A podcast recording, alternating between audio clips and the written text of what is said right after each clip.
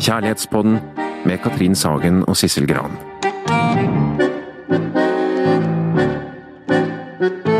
Her sitter Katrin og jeg i studio, og det vi gjør her, det er å utforske det store temaet kjærlighet. Hva er kjærlighetens bestanddeler? Når blir noe kjærlighet? Hvordan varer kjærlighet? Hvorfor knuses den?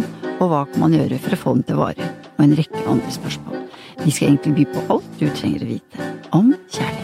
Ja, det skal vi. Og i dag så skal vi snakke om når erotikken falmer i forholdet.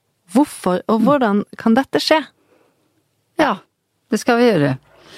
Det er jo sånn um, at i parforhold med veldig mye krangling uh, så, og surhet og avvisning og sånn, så, så, så går sexen ofte dukken. Det vet vi, ikke sant. Uh, mange blir veldig avtent av dårlig stemning og føler seg kritisert og hakket på eller neglisjert og lite verdsatt.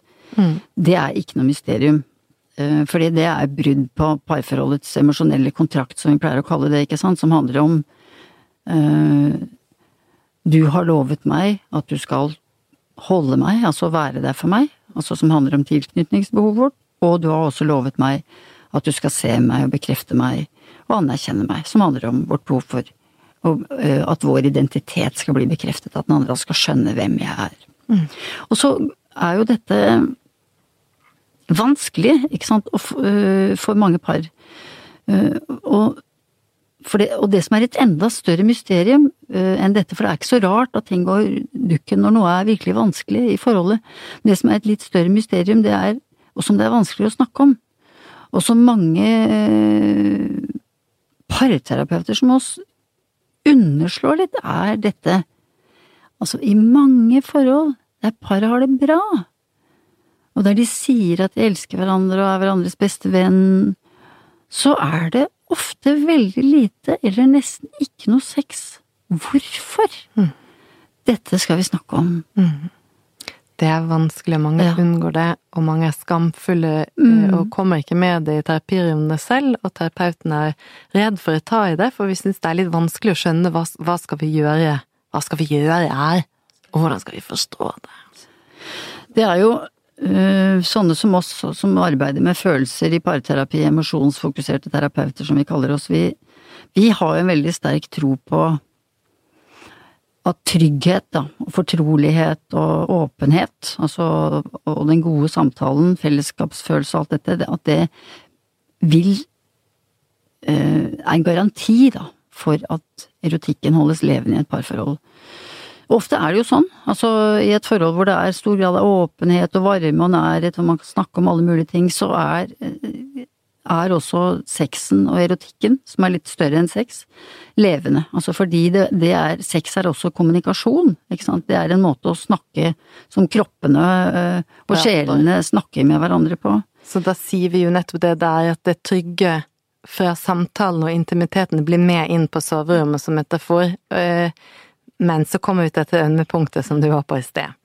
At våre emosjonelle behov og våre erotiske behov, de klinger ikke alltid så godt sammen. Og det som får oss til å føle oss emosjonelt fortrolige og nær hverandre, er ikke nødvendigvis det som tenner oss seksuelt. Og dette er skikkelig vanskelig. Ja. ja. Sant? For vi er jo liksom dette her, vi går og vandrer vi er med, med, store motsetninger, vi er nesten egentlig vandrende motsetninger i oss selv. På den ene siden søker vi trygghet og forutsigbarhet i livet, og på den andre søker vi sitring og variasjon og forandring.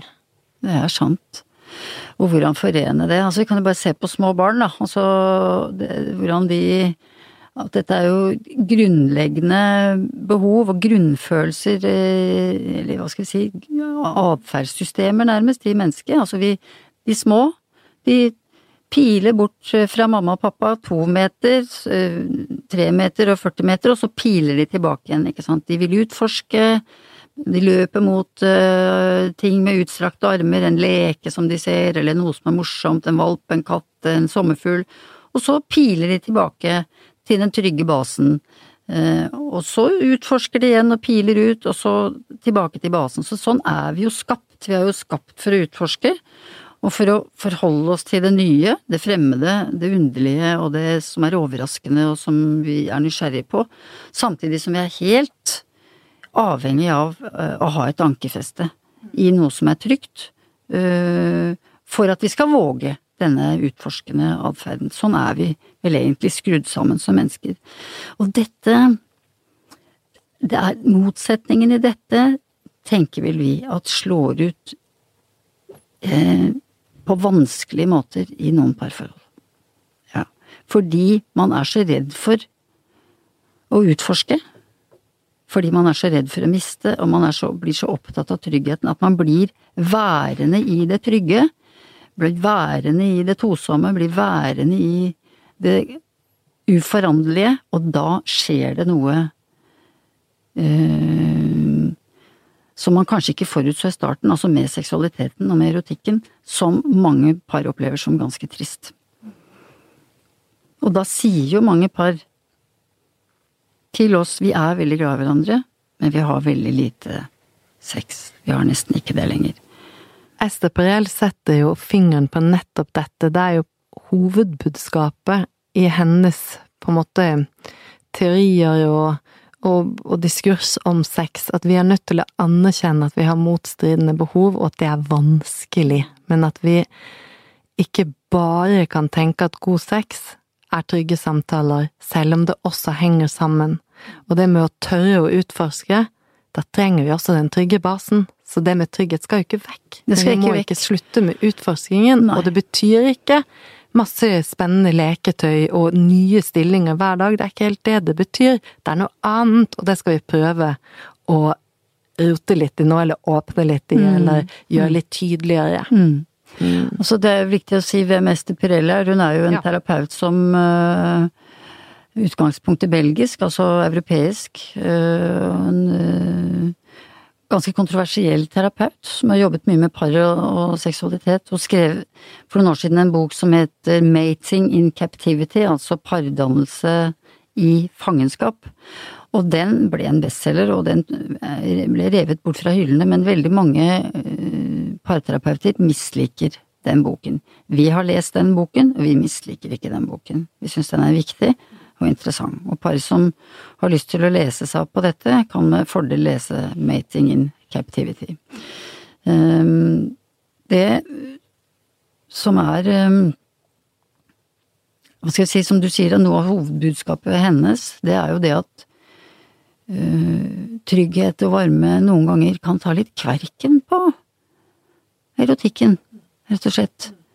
Um, og det er en Og det vet vi jo at um, etter liksom den søte kløe, og etter det fantastiske forelskelsen, og etter all erotikken og all sexen paret hadde da, når ting roer seg helt, så er det mange som virkelig altså havner i sofaen øh, med smågodt og potetgull foran TV-en og slutter å anstrenge seg.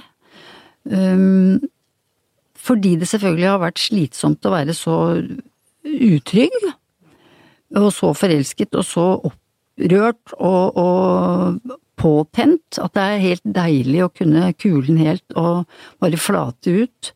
Og så blir noen værende litt i den modusen. At de ikke lenger anstrenger seg, verken overfor seg selv eller den andre, og umerkelig så kan dette bety at eh, deres erotiske liv kan begynne å falme kraftig, og på sikt kan det bli et stort problem for det paret, fordi de hadde egentlig ikke noen plan om at de ikke skulle ha sex lenger.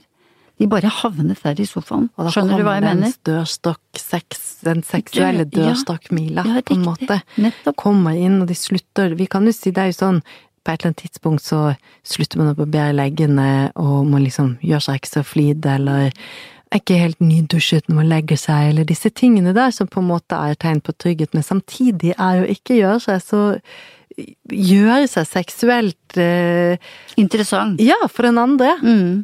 Det kan, man, kan, kan mange par glemme litt. Ja, jeg tror det. De slutter, altså veldig mange slutter jo helt med denne gjenerobringen, ikke sant, av hverandre. Mm.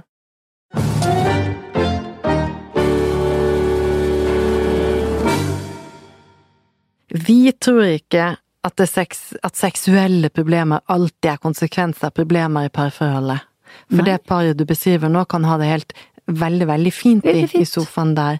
Men vi vil åpne for nå at mennesker skal tenke på mysterieerotikk. Ja, Ja, rett og slett. at vi skal begynne litt der, og vi skal prøve å si litt hva vi mener med det, ikke sant? Mm.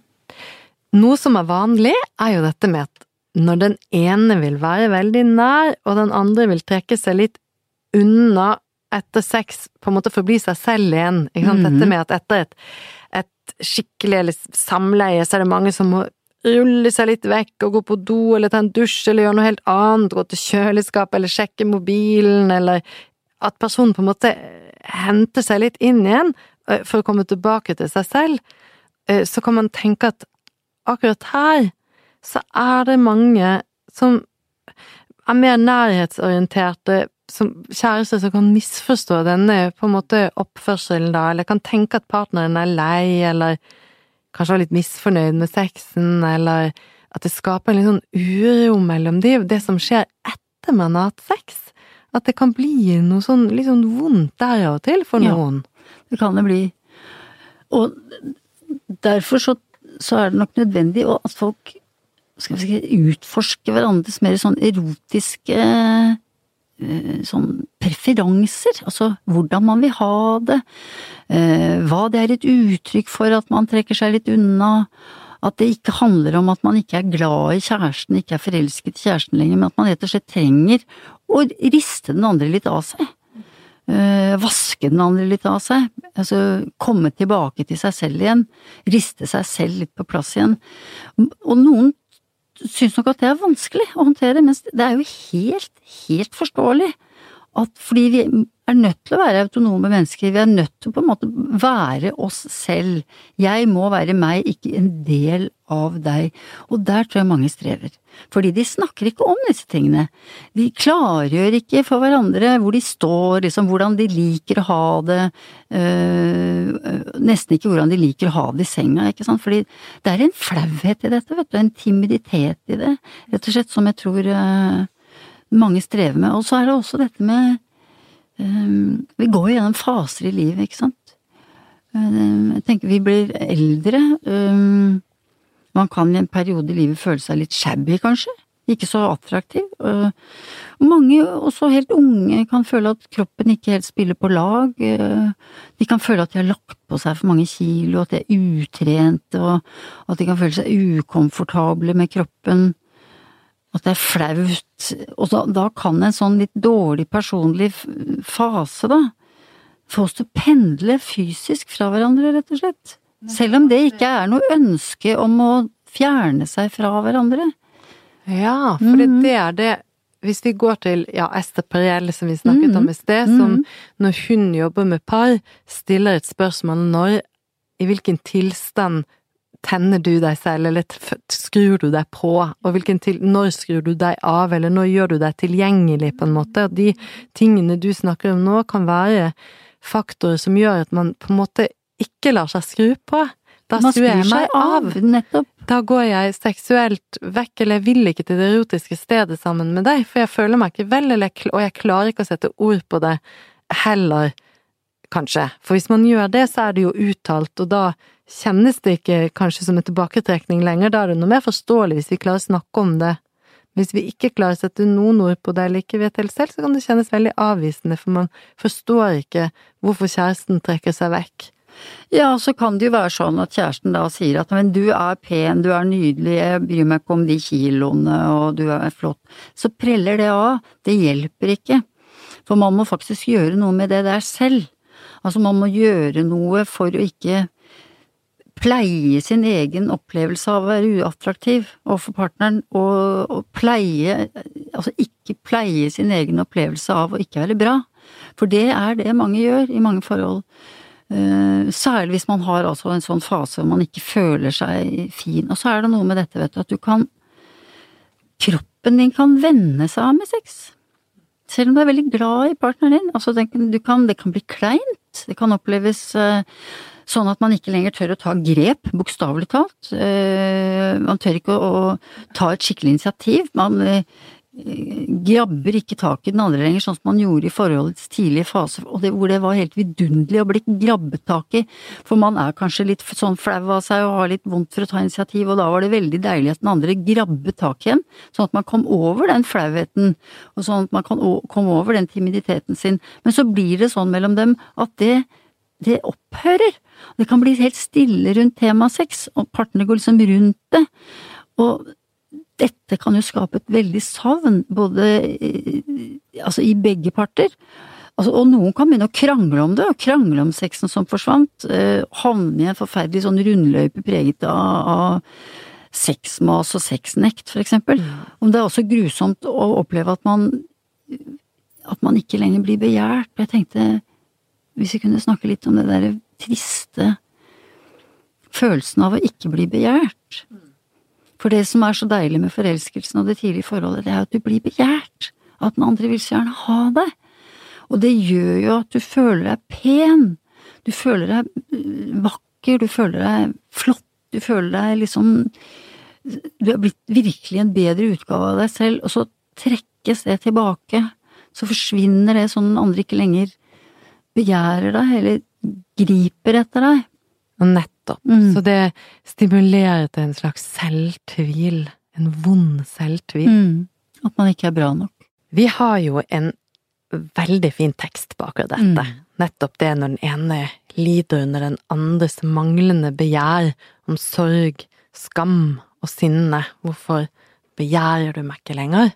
Det er eh, Wenche Myhlaisen som har skrevet en bok som heter All gjeldende fornuft. Uh, og hun beskriver jo et voksent par på uh, ca. 60 år, og hvor um, mannen har trukket seg tilbake fra kvinnen, og hvor hun lider under hans tilbaketrekning, at han ikke begjærer henne lenger. skal vi høre Ola G. Furuseth lese det? Jeg har noen ganger snakket om dette vanskelige det er hensynsløst, kanskje. Du kan jo ikke noe for hvordan det er. Men du er min beste venn. Dette er verdens mest håpløse spørsmål. Hvorfor begjærer du meg ikke lenger? Jeg forsøker å være tapper. Jeg skjemmes over mitt selvopptatte, rasende savn.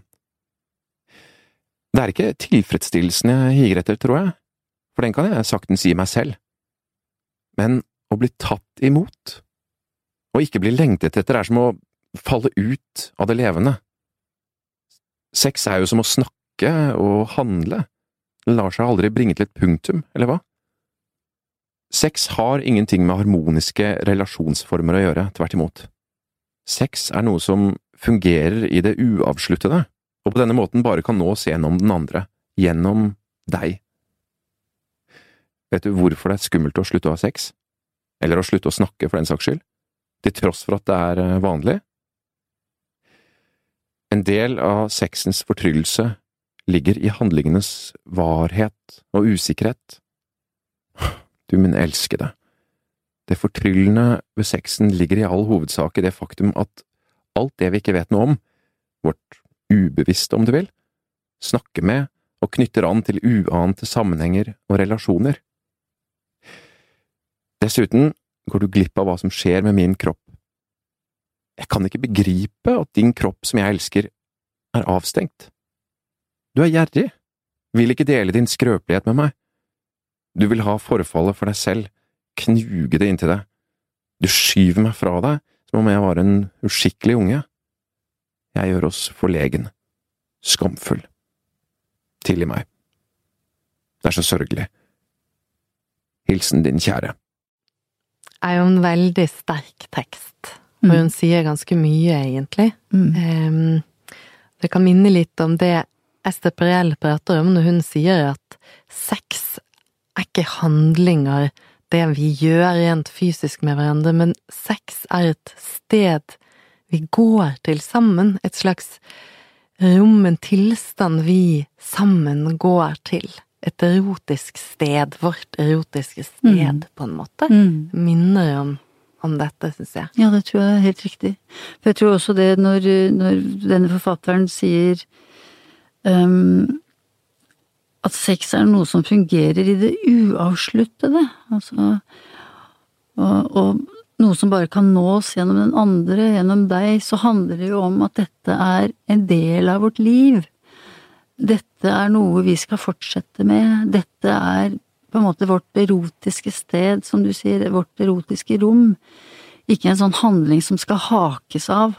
Ferdig med sexen for denne uka. Altså um, så, så, det det Wenche Mühlhausen snakker om her, det er jo litt mysterie. Altså, og hun sier at det er så uh, hva, Altså, det, en del av sexens fortryllelse, sier hun, uh, ligger i handlingenes varhet og usikkerhet.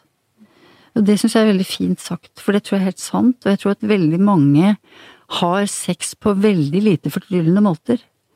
Jeg tror det er veldig rutinepreget, jeg tror det blir kjedelig, jeg tror det blir om att og om att de samme greiene, inn, ut sexen, en dårlig forventning kanskje rundt det, eh, fordi man ikke er lydhør for hverandres signaler, eh, og heller ikke kanskje, hva skal vi si, er litt hensynsløse av seg, for husk på det at sex handler også om en slags grådighet, ikke sant?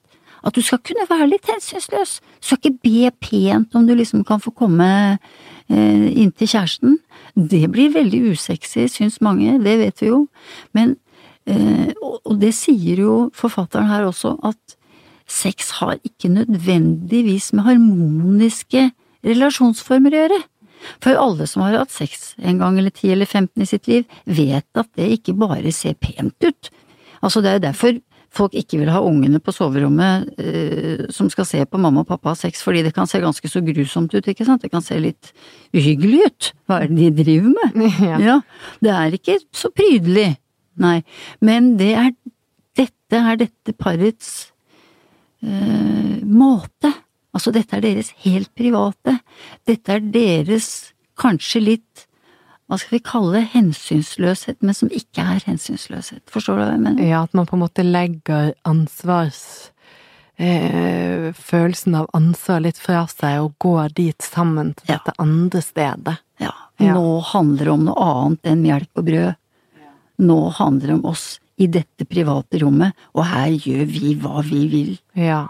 Og det er et prosjekt som ikke skal hake seg, det er et pågående prosjekt som vi holder på med, som liksom er der, og at erotikken det er jo også STPL, men dette med et forspill, par, erotiske par som har, som har, det bra over lang tid, de gjør nettopp det. De, de tenker forspillet begynner eh, umiddelbart etter den siste orgasmen. Ja. ja. Og at det liksom er noe med det erotiske prosjektet, på en ja, eller annen måte. Ja, at dette er en del av vårt liv, dette er noe vi skal fortsette å ha sammen. Dette er like viktig som eh, å betale rentene på huset. Mm. For dette gjør at vårt forhold, vårt liv sammen og vår familie kommer til å overleve. Da skal vi avslutte med det, vi. Eh, og så eh, skal vi neste gang snakke om sex og småbarnsfasen og sex og storbarnsfasen. Før det så kan du følge oss på Instagram hvis du vil. Facebook er vi. Lytt på oss på, et, på Spotify er vi nå, og på iTunes, hvor du har lyst til å finne oss. Der finner du oss, på VG også, for den saks skyld. Les spalten vår hvis du vil, i VG. Og takk for at du har hørt på oss i dag.